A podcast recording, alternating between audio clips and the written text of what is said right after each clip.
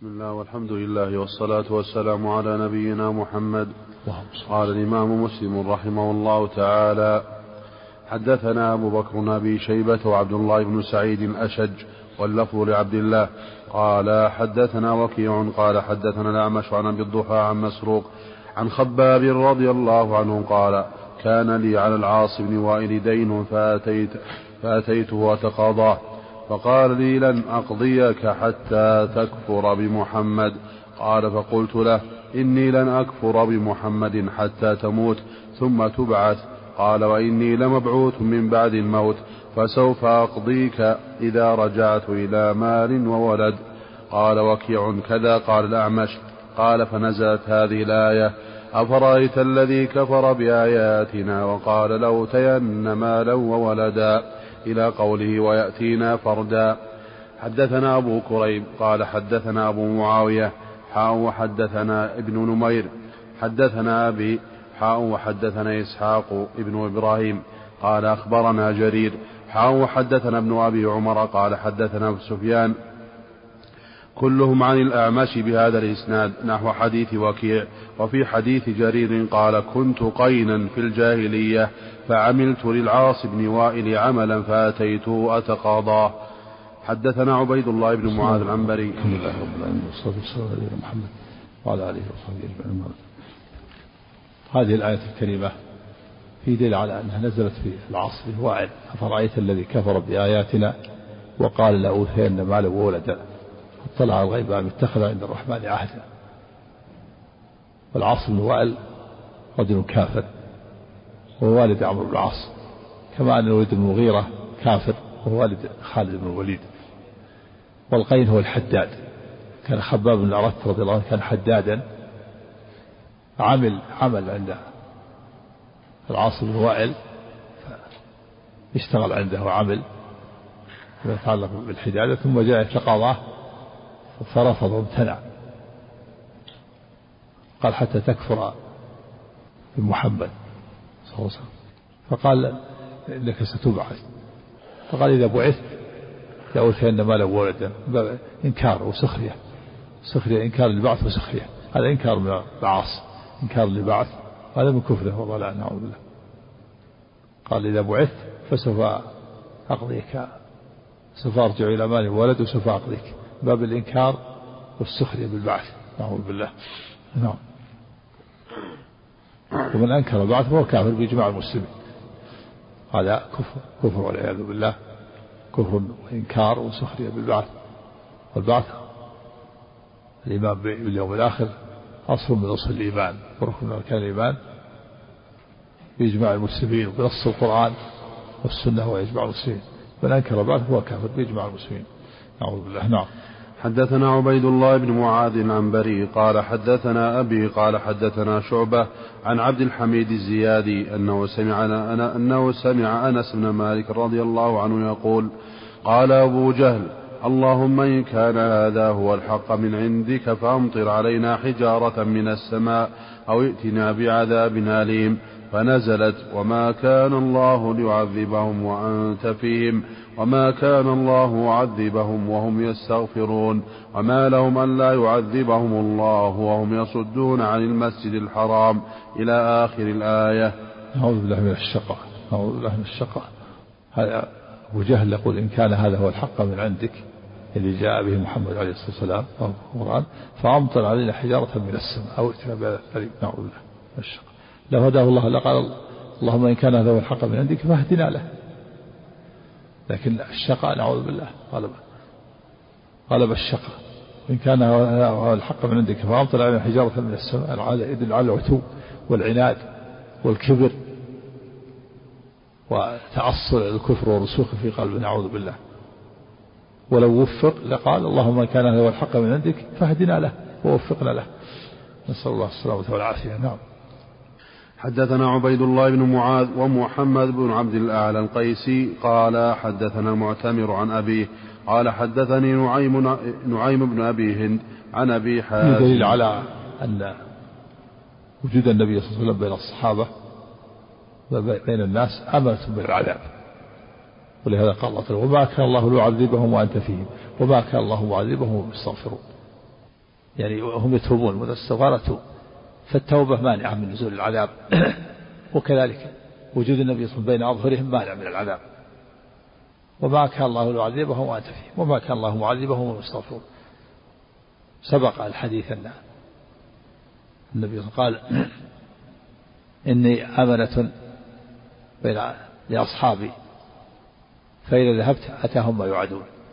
وإن أصحابي أمنة لمن بعد من التابعين. فإذا ذهب أصحابي أتاهم ما يوعدون وإن أصحاب أصحابي أمنة لمن بعدهم فإذا ذهبوا أتاهم ما أتاهم ما يوعدون نعم. حدثنا عبيد الله بن معاذ ومحمد بن عبد الله القيسي قال حدثنا المعتمر عن أبيه قال حدثني نعيم نعيم بن أبي هند عن أبي حازم عن أبي هريرة رضي الله عنه قال قال أبو جهل هل يعفر محمد هل يعفر محمد وجهه بين أظهركم قال فقيل نعم. وقال واللات والعزى لئن رأيته يفعل ذلك لأطعن على رقبته أو لأعفرن وجهه في التراب. قال فأتى رسول الله صلى الله عليه وسلم وهو يصلي زعم ليطع على رقبته. قال فما فجئتم قال فما فجئهم. فجئهم منه إلا وهو ينكص على عقبيه ويتقي بيديه. قال فقيل له ما لك؟ فقال إن بيني وبينه لخندقا من نار وهؤلاء وأجنحة وهولا. وهول وهولا وأجنح وهولا وأجنحة. فقال رسول الله صلى الله عليه وسلم لو دنا مني لاختطفته الملائكة الملائكة عضوا عضوا. قال فأنزل الله عز وجل لا ندري في حديث أبي هريرة أو شيء بلغه. كلا إن الإنسان ليطغى. أن رآه استغنى. إنا إلى, إنا إلى ربك الرجعى. أرأيت الذي ينهى عبدا إذا صلى؟ أرأيت إن كان على الهدى أو أمر بالتقوى؟ أرأيت إن كذب وتولى؟ يعني أبا جهل. ألم يعلم بأن الله يرى؟ كلا لئن لم ينته لنسفعا بالناصية ناصية كاذبة خاطئة. فليدع ناديه سندع الزبانية. كلا لا تطعه زاد عبيد الله في حديثه. قال وأمره بما أمره به. وزاد ابن عبد الأعلى فليدع ناديه يعني قومه. هذا في في هذا من حماية الله تعالى لنبيه عليه الصلاة والسلام.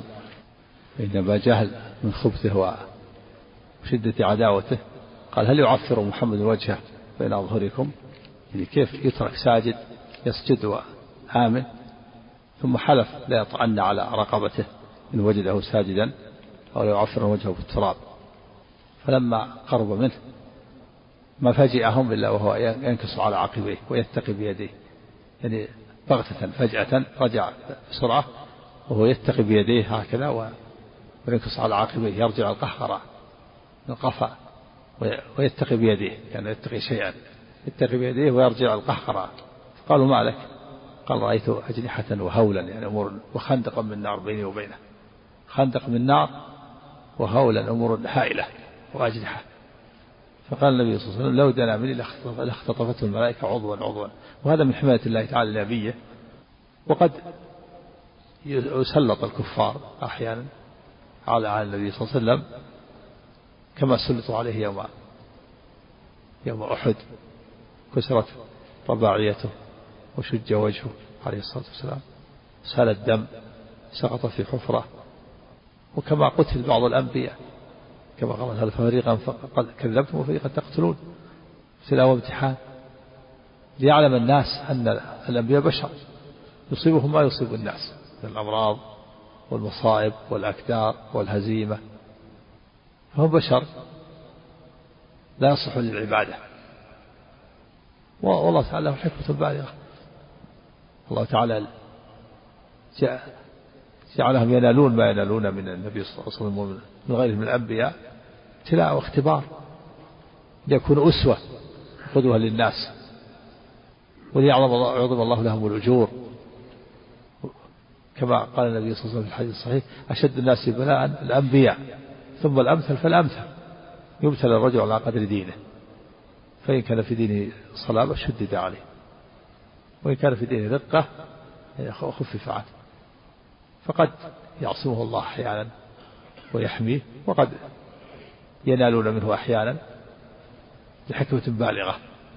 ابتلاء وامتحان ليعظم الله له أجر وليكون أسوة لغيره وليرفع الله درجاته ولما له في ذلك من الحكم.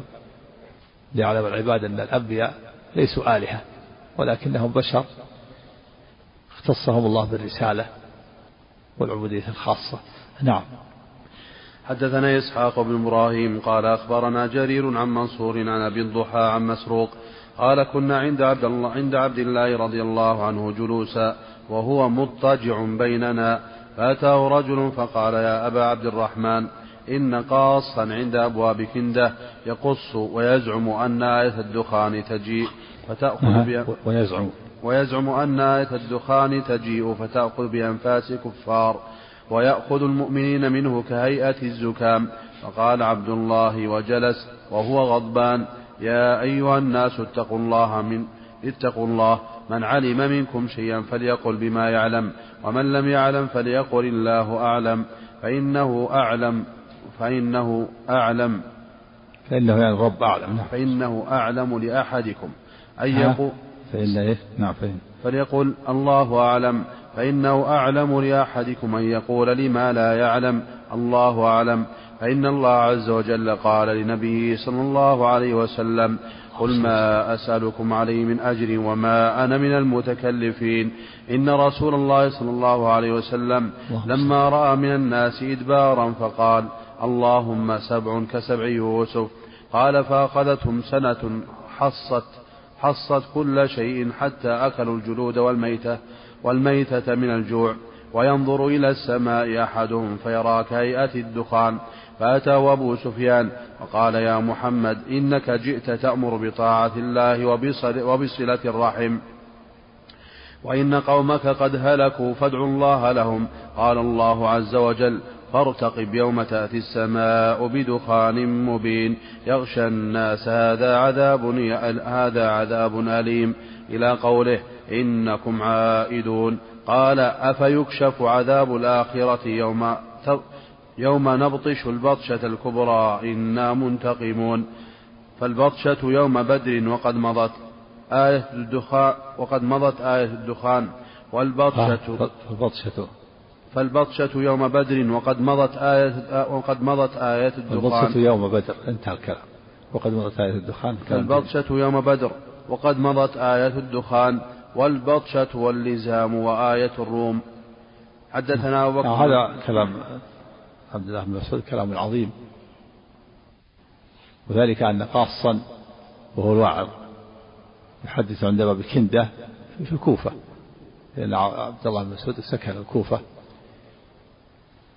الصحابة انتقلوا من المدينة إلى الأمصار ليعلمون الناس وينشرون دين الله. عمرو بن العاص في مصر وعبد الله بن مسعود في الكوفة. فقيل لعبد الله بن مسعود إن قاصا واعظ يعني واعظ عند باب الكندة يحدث الناس. يقول إن إنه سيأتي دخان يأخذ بأنفاس الناس بأنفاس الكفار ويصيب المؤمن كهيئة الزكام فأنكر عليه عبد الله وغضب وقال يا أيها الناس إن إن من إن من علم شيئا فليقل به وإن ومن لا يعلم شيئا فليقل الله أعلم.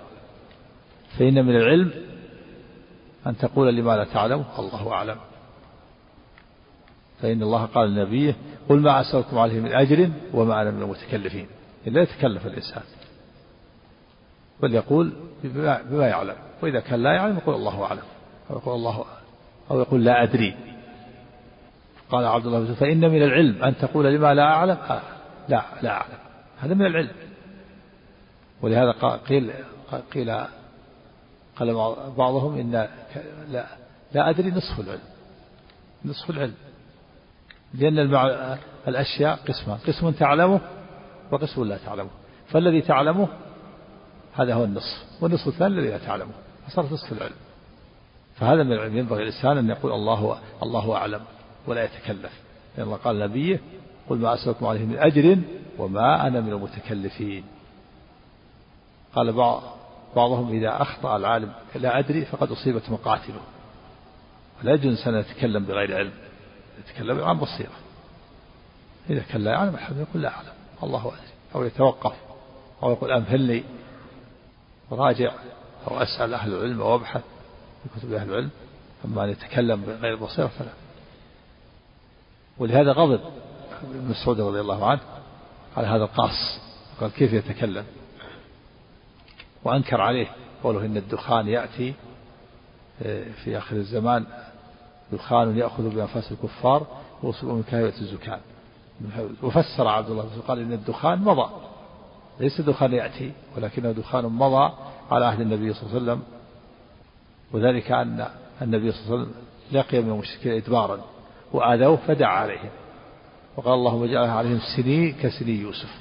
دعا عليهم أن يصيبهم سنين كسني يوسف. والسنين التي أصابت آه، الناس في زمن يوسف كما كما قال الله تعالى سنين جدب قحط. ثم أتاهم بعدها سنين خصم. لما رأى الملك الرؤيا. قال إني أرى سبع بقرات سمان يأكلهن سبع عجاف وسبع سنبلات خضر وأخرى يابسات. فسرها يوسف. قال تزرعون سبع سنين دابا فما حصدتم فذروه في سبله إلا قليلا مما تأكلون. ثم يأتي من بعد ذلك سبع شداد يأكلن ما قدمت لهن إلا قليلا مما تحصنون سبع قحط جد. فالنبي صلى الله عليه وسلم دعا عليهم. يقول عبد الله مسعود النبي صلى الله عليه وسلم دعا على المشركين قال اللهم اجعلها عليهم سنين كسن يوسف. دعا عليهم بأن يأتيهم الجد والقحط. كما حصل سبع سنين جد التي حصل فيها الجد والقحط في زمن يوسف. فاستجاب الله دعاءه قال الله استجاب الله دعاء نبيه فأصابهم سنة حصت كل شيء. صار جد. حصت استعصت كل شيء. حتى أكلوا العظام والجلود وأكلوا الميتة من شدة الجوع. فصار أحدهم يرى ما بينه وبين السماء كهيئة الدخان من شدة الجوع. فهذا هو الدخان. يقول عبد الله بن مسعود. هذا هو الدخان. الدخان أنهم أصابهم جوع فيرى الإنسان ما بينه وبين السماء من شدة الجوع كهيئة الدخان. هذا هو الدخان الذي قال الله تعالى فارتقب يوم تأتي السماء بدخان مبين. وقد مضى يقول عبد الله وقد مضى الدخان. وقال إنا كاشف العذاب قال إنكم عائدون. أفيكشف العذاب؟ يعني يوم القيامة هذا يدل على العذاب في الدنيا. يقول يمكن عليهم يقول أفيكشف العذاب يوم القيامة؟ إن كاشف العذاب قال إنكم عائدون. في يوم القيامة لا يكشف. والآية فيها أنه يكشف. ولهذا قال فيكشف العذاب. قد مضى الدخان يقول عبد الله بن مضى الدخان. ليس دخان يأتي ولكنه دخان مضى. وهو ما أصاب قريش من الجوع حتى إن أحدهم يرى ما بينه وبين السماء كانت الدخان من الجوع. وقد مضت أيضا البطشة وهو ما أصابه يوم بدر. وقد ومضى اللزام وهو لزوم العذاب لهم ما أصابهم من القتل والأسر. ومضى الروم وهو غلبة الروم الفرس. يقول الله تعالى ألف لام ميم غلبت الروم في أدنى الأرض وهم من بعد غلبهم سيغلبون في بضع سنين.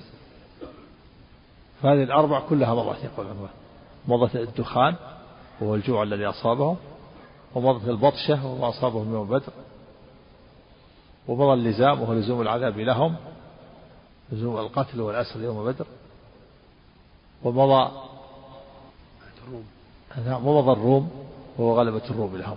في أربعة قد مضت إيش؟ يقول آية الدخان والبطشة واللزام وآية الروم. الدخان والبطشة واللزام أربعة أشياء كلها مضت.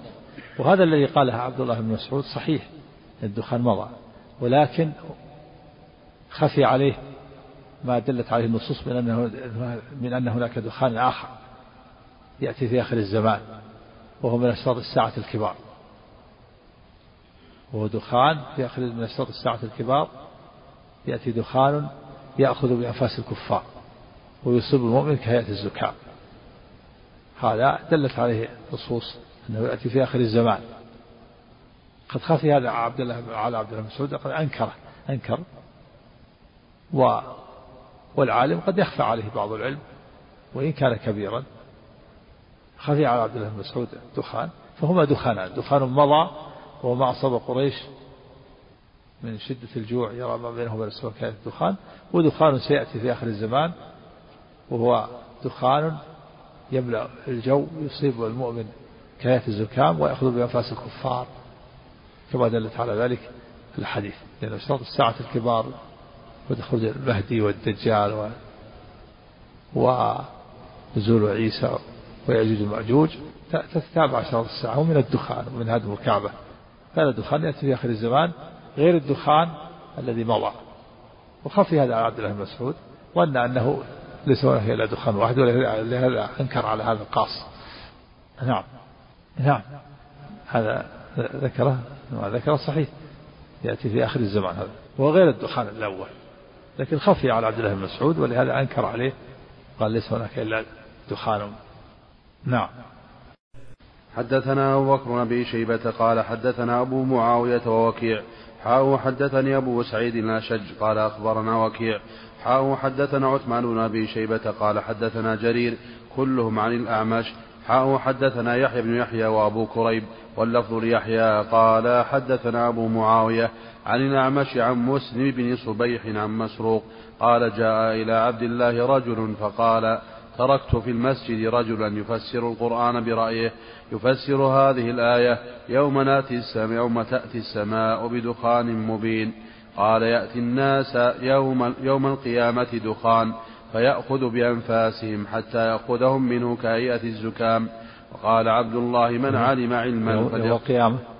هذا يقول قيد بيوم القيامة. الصوم مو بيوم القيامة قبل يوم القيامة في أشراط الساعة. هذا فيه أن هذا القاص قال يوم القيامة. نعم. رجل يفسر القرآن برأيه.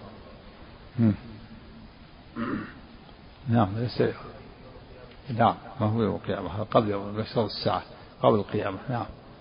فقال تركت في المسجد رجلا يفسر القرآن برأيه يفسر هذه الآية يوم تأتي السماء بدخان مبين. قال يأتي الناس يوم القيامة دخان فيأخذ بأنفاسهم حتى يأخذهم منه كهيئة الزكام. وقال عبد الله من علم علما فليقل به ومن لم يعلم فليقل الله أعلم. فإن من فقه الرجل أن يقول لما لا علم له به الله أعلم. لا هذا فقه الرجل. هذا يعتبر فقيه. الذي يقول الشيء الذي لا, لا أدري هذا فقيه يدل على الفقه. ويدل على ورعه أيضا. والذي يجيب عن كل شيء. يعلمه الذي لا يعلمه يدل على قلة ورعه ورقة دينه وعدم فقه أيضا. الإمام مالك رحمه الله إمام دار الهجرة جاءه سائل فسأله عن أربعين مسألة. قال ما ما معنى كذا؟ قال لا أدري. قال ما معنى كذا؟ لا أدري. قال ما معنى كذا؟ لا أدري. وعاد 36 مسألة يقول لا أدري. وأجاب على أربع مسائل. أجاب أربع مسائل من أربع مسائل. فانزعج الرجل فقال أنا جئتك. ضربت أكباد الإبل من بلاد معيدة وكنت تقول لا أدري لا أدري. ماذا أقول للناس؟ ماذا أقول للناس؟ أنا جاي من بعيد من أربعين مسألة. ما جبت إلا أربع مسائل. قال قل يقول مالك لا أدري. ورفع صوته. قل يقول مالك لا أدري. واعتبر هذا من فضائل الإمام مالك. اعتبرت هذا من فضائله. هذا عدة من فضائله ومناقبه. نعم. ومن لم يعلم فليقل الله أعلم. فإن من فقه الرجل أن يقول لما لا علم له به. الله أعلم. إنما كان هذا أن قريشا لما استعصت على النبي صلى الله عليه وسلم دعا عليهم بسنين كسني يوسف فأصابهم قحط وجهد. حتى جعل الرجل ينظر إلى السماء فيرى بينه وبينها كهيئة الدخان فيرى بينه وبينها كهيئة الدخان من الجهد وحتى أكلوا العظام. فأتى النبي صلى الله عليه وسلم رجل فقال يا رسول الله استغفر الله لمضر فإنهم قد هلكوا. فقال لمضر إنك لجريء. قال فدعا الله لهم فأنزل الله عز وجل إنا كاشف العذاب قليلا إنكم عائدون قال فمطروا فلما أصابتهم الرفاهية قال عادوا إلى ما كانوا عليه قال فأنزل الله عز وجل فارتقب يوم تأتي السماء بدخان مبين يغشى الناس هذا عذاب أليم يوم نبطش البطشة الكبرى إنا منتقمون قال يعني يوم بدر نعم. مسعود فسرها بها. ترتقب السماء بدخان مبين يغشى الناس هذا عذاب أليم إنا كاشف العذاب قليلا. يوم نبطش بطشة. فذكر الدخان الذي أصابه الجوع ثم ذكر البطشة ويوم أصابهم بدر من القتل والأسر فدل على أنه هذا الدخان في الدنيا. وأن هذا الدخان في مضى. هذا هكذا السيد المسعود وخفي عليه ما جاء دلت عليه النصوص من الدخان الآخر الذي يأتي في آخر الزمان. نعم. يعني جريء كيف يدعو عليهم وهم كفرهم ومع كفرهم وضلالهم إنك لجريء في قولك ادعوا الله لهم. هذه جرأة منك. نعم. حدثنا قتيبة بن سعيد قال حدثنا جرير عن الأعمش عن أبي الضحى عن مسروق عن عبد الله رضي الله عنه قال خمس قد مضين الدخان واللزام والروم والبطشة والقمر. نعم. الدخان. الدخان الجوع الذي أصابهم والبطشة ما أصابهم يوم بدر واللزام لزوم العذاب لهم يوم يوم بدر والبطشة. والروم غلبة الروم الفرس. والقمر انشقاق القمر. انشق شق القمر على معجزة من معجزات نبينا صلى الله عليه وسلم من علامات النبوة. نعم. شق شقين. كل شقة صارت في جهة. نعم. حدثنا أبو سعيد الأشج قال حدثنا وكيع قال حدثنا الأعمش بهذا الإسناد مثله. حدثنا محمد مثنى ومحمد بن بشار قال حدثنا محمد بن جعفر قال حدثنا شعبة حاء وحدثنا أبو بكر بن أبي شيبة واللفظ له.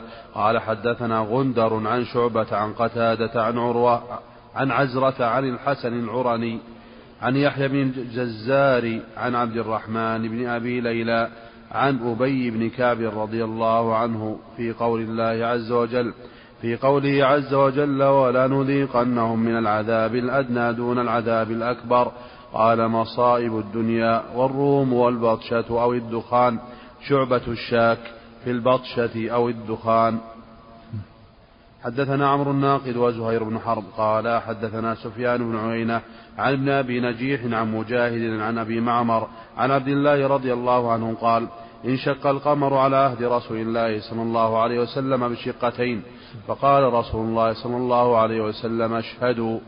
حدثنا أبو بكر بن أبي شيبة وأبو كريب وإسحاق بن إبراهيم جميعا عن أبي معاوية. حاء وحدثنا عمر بن حفص بن غياث قال حدثنا أبي كلاهما عن الأعمش. حاء وحدثنا من جاب بن الحارث التميمي واللفظ له. قال أخبرنا ابن مسهر عن الأعمش عن إبراهيم عن أبي معمر عن عبد الله بن مسعود رضي الله عنه قال بينما نحن مع رسول الله صلى الله عليه وسلم بمنى إذ انفلق القمر فلقتين فكانت فلقة وراء الجبل وفلقة دونه وقال لنا رسول الله صلى الله عليه وسلم اشهدوا حدثنا عبيد الله بن معاذ عن بري قال حدثنا أبي قال حدثنا شعبة عن الأعمش عن إبراهيم عن أبي معمر عن عبد الله بن مسعود رضي الله عنه قال انشق القمر على عهد رسول الله صلى الله عليه وسلم فلقتين فستر الجبل فستر الجبل فلقة وكانت فلقة فوق الجبل. وقال رسول الله صلى الله عليه وسلم اللهم اشهد. حدثنا عبيد الله بن معاذ قال حدثنا أبي قال حدثنا شعبة عن الأعمش عن مجاهد عن ابن عمر رضي الله عنهما عن النبي صلى الله عليه وسلم مثل ذلك.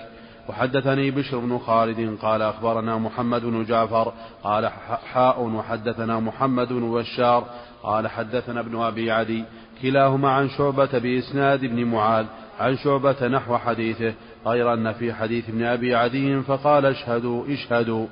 حدثني زهير بن حرب وعبد بن حميد قال حدثنا يونس بن محمد قال حدثنا شيبان قال حدثنا قتادة عن أنس رضي الله عنه أن أهل مكة سألوا رسول الله صلى الله عليه وسلم أن يريهم آية فأراه انشقاق القمر مرتين.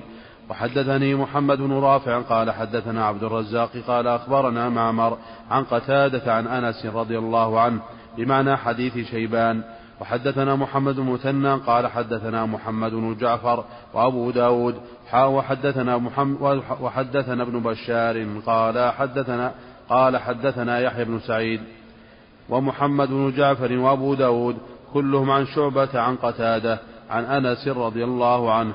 قال انشق القمر فرقتين وفي حديث أبي داود انشق القمر على عهد رسول الله صلى الله عليه وسلم. نعم وهو هذا من المعجزات ومن دلائل النبوة نبوة نبينا محمد صلى الله عليه وسلم ومن علامات النبوة انشقاق القمر.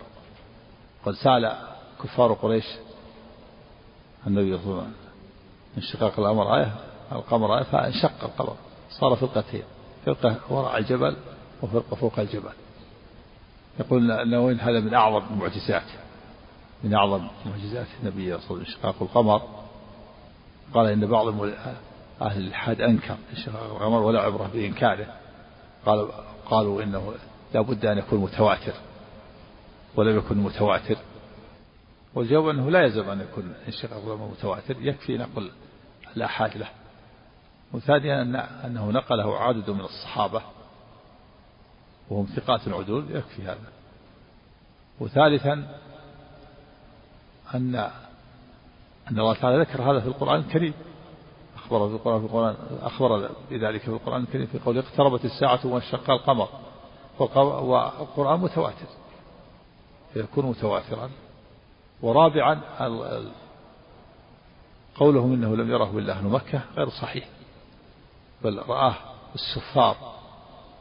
رؤية في الهند وأرخ قال ليلة انشقاق القمر فهي معروف ومتواتر نعم.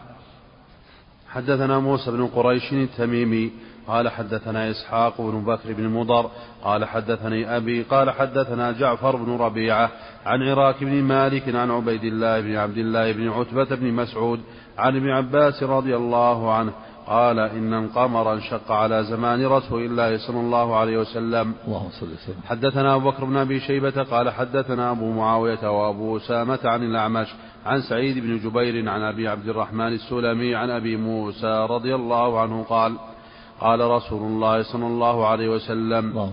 لا أحد أصبر لا أحد أصبر على أذى سمع يسمعه من الله عز وجل إنه يشرك به ويجعل له الولد ثم هو يعافيهم ويرزقهم. حدثنا محمد بن عبد الله بن نمير وأبو سعيد الأشد. قال حدثنا وكيع. قال حدثنا الأعمش. قال حدثنا سعيد بن جبير. عن أبي عبد الرحمن السلمي عن أبي موسى رضي الله عنه عن النبي صلى الله عليه وسلم بمثله. إلا قوله ويجعل له الولد فإنه لم يذكره. وحدثني عبيد الله بن سعيد قال حدثنا أبو أسامة عن الأعمش قال حدثنا سعيد بن جبير عن أبي عبد الرحمن السلمي قال قال عبد الله بن قيس رضي الله عنه قال رسول الله صلى الله عليه وسلم ما أحد أصبر على أذى يسمعه, يسمعه من الله تعالى إنهم يجعلون له ندا ويجعلون له ولدا وهو مع ذلك يرزقهم ويعافيهم ويعطيهم. حدث الخلق ما أحد أسلم منهم أحد. الكفرة الرب سبحانه وتعالى خلقهم ووجدهم من العدم ومع ذلك يجعل له الند ويجعل له الولد وهو سبحانه يرزقهم ويعافيهم لا أحد أصبر من الله. وهو الحليم سبحانه وتعالى لا يعاجب العقوبة. قال قاضي إن من أسمائه الصبور. من أسمائه الصبور من أسماء الحليم لا شك في هذا والصبور فيه كلام جزم القاضي بأنه من أسماء الله. هو الصبور الذي يصبر على الأذى هذا المشركين كما في هذا الحديث. لا أحد أصبر على أذى يسمعه من الله. إنه يجعل له الند والولد وهو يعافيه. نعم. نعم. الله القاضي جزم بهذا جزم بعضهم. ذكر في الأحاديث التسعة والتسعين نعم. نعم. قال المازري حقيقة الصبر منع النفس من الانتقام أو غيره. الصبر نتيجة الامتناع فأطلق اسم الصبر. نعم هذا هذا هذا اسم المخلوق. نعم. الصبور الذي فسر في هذه لا أحد أصبر على الله أنه يعافيهم ويجعلون له الند وهو يعافيهم ويرزقهم. نعم. حدثنا عبيد الله بن معاذ العنبري قال حدثنا أبي قال حدثنا شعبة عن, عن أبي عمران الجوني عن أنس بن مالك رضي الله عنه عن النبي صلى الله عليه وسلم قال يقول الله تبارك وتعالى لأهون أهل النار عذابا لو كان لك الدنيا لو كانت لك الدنيا وما فيها أكنت مفتديا بها فيقول نعم فيقول قد أردت منك أهون من هذا وأنت في صلب آدم ألا تشرك أحسبه. قال ولا أدخلك ولا أدخلك النار فأبيت إلا الشرك. حدثنا محمد بن بشار قال حدثنا محمد يعني بن جعفر قال حدثنا شعبة عن أبي عمران قال سمعت أنس بن مالك رضي الله عنه يحدث عن النبي صلى الله عليه وسلم بمثله إلا قوله ولا أدخلك النار فإنه لم يذكره. حدثنا عبيد الله بن عمر القواريري وإسحاق بن إبراهيم وإسحاق بن إبراهيم ومحمد بن مثنى وابن بشار. قال إسحاق أخبرنا وقال الآخرون حدثنا معاذ بن هشام. قال حدثنا أبي عن قتادة. قال حدثنا أنس بن مالك رضي الله عنه أن النبي صلى الله عليه وسلم قال يقال للكافر يوم القيامة أريت لو كان لك ملء الأرض ذهبا أكنت تفتدي به؟ فيقول نعم. فيقال له قد سئلت أيسر من ذلك. وحدثنا عبد بن حميد قال حدثنا روح بن عبادة حاء وحدثني عمر بن زرار عمرو بن زرارة. عبد قال أخبرنا عبد الوهاب يعني ابن عطاء كلاهما عن سعيد بن أبي عروبة عن قتادة عن أنس رضي الله عنه عن النبي صلى الله عليه وسلم بمثله غير أنه قال فيقال له كذبت. قد سئلت ما هو أيسر من ذلك. حدثني وهذا الحديث فيه إثبات القول الله عز وجل وكلام. وفيه إثبات أن الله يقول. قال إن الله يقول. قال الله ويقول الله. لا بأس. إثبات القول لله وإثبات الكلام لله. وإثبات أن وفيه أنه جواز قول يقول الله تعالى أو قال الله تعالى. قولوا قد أردت منك أهون من ذلك هذه الإرادة الدينية الشرعية. وفيه أن هذا يقال لأهون أهل النار عذابا يقول الله تعالى لأهون أهل النار عذابا أرأيت لو كان لك مثل الأرض ذهبا أكنت مفتديا به؟ قال نعم. لكن ما ينفع هذا ما دام مات على الشرك لا حيلة كما أخبر الله تعالى في كتابه العظيم. إن الذين كفروا لو أن لهم ما في الأرض جميعا ومثله معه ليفتدوا, ليفتدوا به من عذاب يوم القيامة ما تقبل منهم ولهم عذاب فيقول قد أردت أن منك أهون من ذلك. قد أردت الإرادة الدينية الشرعية. يعني قد أحببت منك ورضيت منك. الإرادة الدينية الشرعية المرادفة المحبة والرضا. ولو كانت الإرادة كونية لما لما تخلف مراده. فالإرادة إرادة الإرادة الكونية قدرية لا يتخلف مرادها. وهذه عامة للمؤمن والكافر إرادة دينية شرعية قد يتخلف مرادها وهي خاصة بالمؤمن. إشكال النووي عليه؟ قوله صلى الله عليه وسلم يقول الله تعالى لأهون أهل النار عذابا لو كانت لك الدنيا وما فيها. حديث وفي رواية فيقال قد سئلت أيسر من ذلك. وفي رواية فيقال كذبت. قال قد سئلت أيسر من ذلك. المراد با بارد باردت بأردت في الرواية الأولى. طلبت منك وأمرتك وقد أوضحه في رواية أخيرتين بقوله قد سئلت أيسر فيتعين تأويل أردت على ذلك جمعا بين الروايات لأنه يستحيل عند أهل الحق أن يريد الله تعالى شيئا فلا يقع. ومذهب أهل الحق أن الله تعالى مريد لجميع الكائنات خيرها وشرها ومنها الإيمان والكفر فهو سبحانه وتعالى مريد لإيمان المؤمن ومريد لكفر الكافر خلاف المعتزلة في قولهم. إنه أراد إيمان الكافر ولم يرد كفره تعالى كفره تعالى الله عن قولهم الباطل هذا أقول لا حاجة لهذا هذا تمشى مع مذهب الأشاعرة. يقول إنه الإرادة مستحيلة على الله. لأن الشاعرة ما عندهم إلا إرادة كونية فقط ينكرون الإرادة الدينية الشرعية. والمعتزلة كذا ما عندهم إلا الإرادة الدينية والشرعية وينكرون الإرادة الكونية. فضلوا هذا منشأ ضلال المعتزلة والأشاعرة إنهم ما أثبتوا الإرادة إلا إرادة واحدة. الأشاعرة أثبتوا الإرادة الكونية وأنكروا الإرادة الدينية. والمعتزلة أثبتوا الإرادة الدينية وأنكروا الإرادة الكونية. وأهل السنة والجماعة هداهم الله فأثبتوا الإرادتين فقول النووي أنه يستحيل على الله أن يريد من العبد شيئا ولا يقع. لأنه آه، على مذهب الأشاعرة الذين ينكرون الإرادة الدينية. ما في إلا الإرادة الكونية. لا حاجة إلى هذا. ولكن الصواب أن الإرادة هي إرادة الإرادة كونية لا يتخلف مرادها وتقع من المؤمن والكافر وإرادة دينية شرعية خاصة بالمؤمن. إرادة كونية قد يعني مرادفة للمشيئة وإرادة دينية مرادفة للمحبة والرضا. ينبغي لطالب أن يتنبه وأن يحذر. فقوله أنه يستحيل أن يريد الله شيئا لأنه لا يفسد الإرادة الكونية لكن الإرادة الدينية نعم. قد ما يستحيل. يأمر الله. إن الله أمر بالعدل والإحسان وإيتاء ذي القربى. المؤمن استجاب والكافر أو الفاسق قد, قد لا يستجيب. لا يستجيب. كيف يستحيل؟ الله تعالى أمر. قال أقيموا الصلاة. يستحيل أن يحصل الأمر هذا. ويفسرونه. يعني لا يفسرونه بالإرادة يفسرونه بشيء آخر. نعم. مثل ما فسر يقول سئلت أو نعم نعم. عندك موقف الآن.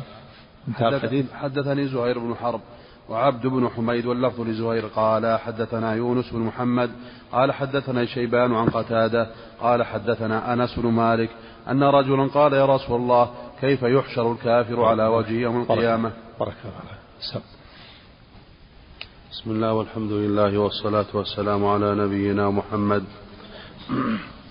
قال الإمام مسلم رحمه الله تعالى حدثني زهير بن حرب وعبد بن حميد واللفظ لزهير قال حدثنا يونس بن محمد قال حدثنا شيبان عن قتادة قال حدثنا أنس بن مالك رضي الله عنه أن رجلا قال يا رسول الله كيف يحشر الكافر على وجهه يوم القيامة؟ قال ليس الذي يمشاه على رجليه في الدنيا قادرا قادرا على أن يمشيه على وجهه يوم القيامة. قال قتادة بلى وعزة ربنا. حدثنا عمرو الناقد قال حدثنا يزيد بن هارون قال أخبرنا حماد بن سلمة عن ثابت البناني عن أنس بن مالك رضي الله عنه قال النص. أليس الذي أمشاه. أليس الذي أمشاه على رجليه في الدنيا قادرا؟ قادرا على أن يمشيه على وجهه يوم القيامة. قال قتادة بلى وعزة ربنا. حدثنا عمرو الناقد قال حدثنا يزيد بن هارون قال أخبرنا حماد بن سلمة عن ثابت البناني عن أنس عن أنس بن مالك رضي الله عنه قال قال رسول الله صلى الله عليه وسلم يؤتى بأنعم أهل الدنيا من أهل من أهل النار يوم القيامة. فيصبغ في النار صبغة ثم يقال يا ابن آدم هل رأيت خيرا قط؟ هل مر بك نعيم قط؟ فيقول لا والله يا رب ويؤتى بأشد الناس بؤسا في الدنيا من أهل الجنة فيصبغ صبغة في الجنة فيقال له يا ابن آدم هل رأيت بؤسا قط؟ هل مر بك شدة قط؟ فيقول لا والله لا والله يا رب ما مر بي بؤس قط. ولا رأيت شدة قط. بسم الله الرحمن الرحيم. الحمد لله رب العالمين. وصلى الله وسلم وبارك على عبد الله ورسوله نبينا محمد وعلى آله وصحبه أجمعين. أما بعد الحديث الأول فيه دليل على قدرة الله وأن الله على كل شيء قدير. فإن الكافر يحشر على وجهه كما قال الله تعالى الذين يحشرون على وجوههم إلى جهنم أولئك شر مكانا وأضل سبيلا. قيل يا رسول الله كيف يحشر الكافر على وجهه؟ قال أليس الذي أمشاه على رجليه. قادر على أن يمشيه على وجهه؟ بلى. فقال قال هذا بلى وعزة ربنا. فيه الحلف بعزة الله. إذا على لا, بأس. الحلف بصفة من صفات الله. بلا وعزة ربنا. كما جاء في الحديث في الرجل الذي هو آخر أهل النار خروجا منها قال لا وعزتك. كما قال الله عليه قال فبعزتك لأغوينهم أجمعين. فالحلف بالصفات أو الاستعاذة بالصفات يعوذ بكلمات الله التامة من شر ما خلق. اللهم يعوذ برضاك من لا بأس به. وفيه أن الإنسان في يوم القيامة إذا دخل الجنة والكافر إذا دخل ينسى ما كان في الدنيا. يؤتى بأنعم أهل النار أنعم أهل الدنيا. يعني أكثرهم نعيما من الملوك والأثرياء وغيرهم الذين تترفوا كان عندهم ترف ونعيم في الدنيا فيصبغ في النار صبغة يعني يغمس فيها غمسة. فيقال هل رأيت نعيما قط؟ هل مر بك نعيم قط؟ فيقول لا والله رب. نسي نسي التراف ونسي النعيم نسي ما, ما هو فيه من الأبهة والعظمة والكبرياء والرفاهية. إذا غمس في النار غمسة نسي ذلك كله. ويؤتى بأبأس أهل الدنيا أشدهم بؤسا وفقرا وحاجة وتعاسة. فيصبر في الجنة صبرة يعني يغمس فيها غمسة فيقال هل رأيت شدة قط؟ هل هل مر بك بؤس قط؟ فيقول لا والله ينسى. نسي البؤس والشدة والتعب والفقر والحاجة. لما غمس في النار غمس في الجنة غمسة صبغة فيها صبغة نسي كل ذلك. نعم. حدثنا أبو بكر بن أبي شيبة وزهير بن حرب واللفظ لزهير. قال حدثنا يزيد بن هارون. قال أخبرنا همام بن يحيى عن قتادة عن أنس بن مالك رضي الله عنه قال قال رسول الله صلى الله عليه وسلم إن الله لا يظلم مؤمنا حسنة يعطى بها في الدنيا يعطى بها في الدنيا ويجزى بها في الآخرة. وأما الكافر فيطعم بحسنات ما عمل بها لله في الدنيا حتى إذا أفضى إلى الآخرة. لم تكن له حسنة يجزى بها. إن الله لا يظلمه. عن أنس بن مالك رضي الله عنه قال قال رسول الله صلى الله عليه وسلم. إن الله لا يظلم مؤمنا حسنة. يعطى بها في الدنيا ويجزى بها في الآخرة. وأما الكافر فيطعم بحسنات ما عمل بها لله في الدنيا حتى إذا أفضى إلى الآخرة لم تكن له حسنة يجزى بها. حدثنا عاصم بن نضر التيمي قال حدثنا معتمر قال سمعت أبي قال حدثنا قتادة عن أنس بن مالك رضي الله عنه أنه حدث عن رسول الله صلى الله عليه وسلم إن الكافر إذا عمل حسنة أطعم بها طعمة من الدنيا وأما المؤمن فإن الله يدخر له حسناته في الآخرة ويعقبه رزقا في الدنيا على طاعته. حدثنا محمد بن عبد الله الرزي قال أخبرنا عبد الوهاب عبد الوهاب بن عطاء عن سعيد عن قتادة عن أنس رضي الله عنه عن النبي صلى الله عليه وسلم بمعنى حديثهما. وفي فضل الله إحسانه على المؤمن فالمؤمن يجازى بحسناته في الدنيا والآخرة. يعطيه في الدنيا ويعقبه رزقا ويدخر حسناته في الآخرة. وأما الكافر فإنه يطعم بها طعمة إذا عمل الحسنة في الدنيا من صلة الرحم والصدقة والإحسان ونصر المظلوم يطعم بها في الدنيا طعمة. يعني جاز في الدنيا يعطى بها في الدنيا صحة في بدنه ومالا وولدا ثم يفضي إلى الآخرة ولا حسنة له نعوذ بالله. وأما المؤمن فإن الله تعالى يدخر له حسناته في الآخرة ويعقبه رزقا وخيرا في الدنيا. هذا من فضل الله تعالى وإحسانه. وفيه نفي الظلم. عن الله الله تعالى نفى عن نفسه الظلم. قال إن الله لا يظلم أحدا. كما قال الله تعالى لا ظلم اليوم ولا يظلمون فتيلا. قال قال سبحانه إن الله لا يظلم مثقال ذرة وإن تكن حسنة يضاعفها. نعم. نعم. إذا أسلم الكافر فإنه يحرز حسناته التي كان يعملها في قبل إسلام قبل إسلامه. نعم. نعم. ما سمعت؟ مثل صلة الرحم ومثل الصدقة ومثل نصر المظلوم ومثل بر الوالدين وغيره. مثل صلة الرحم. ومثل الصدقة ومثل نصر المظلوم ومثل بر الوالدين وغيره. هذه نعم ما تنفع هذه إلا مع الإيمان. الآخرة ما تنفع لكن يجاز بها في الدنيا. نعم. اشكال النووي على قوله إن الله لا, إن الله لا يظلم. وأما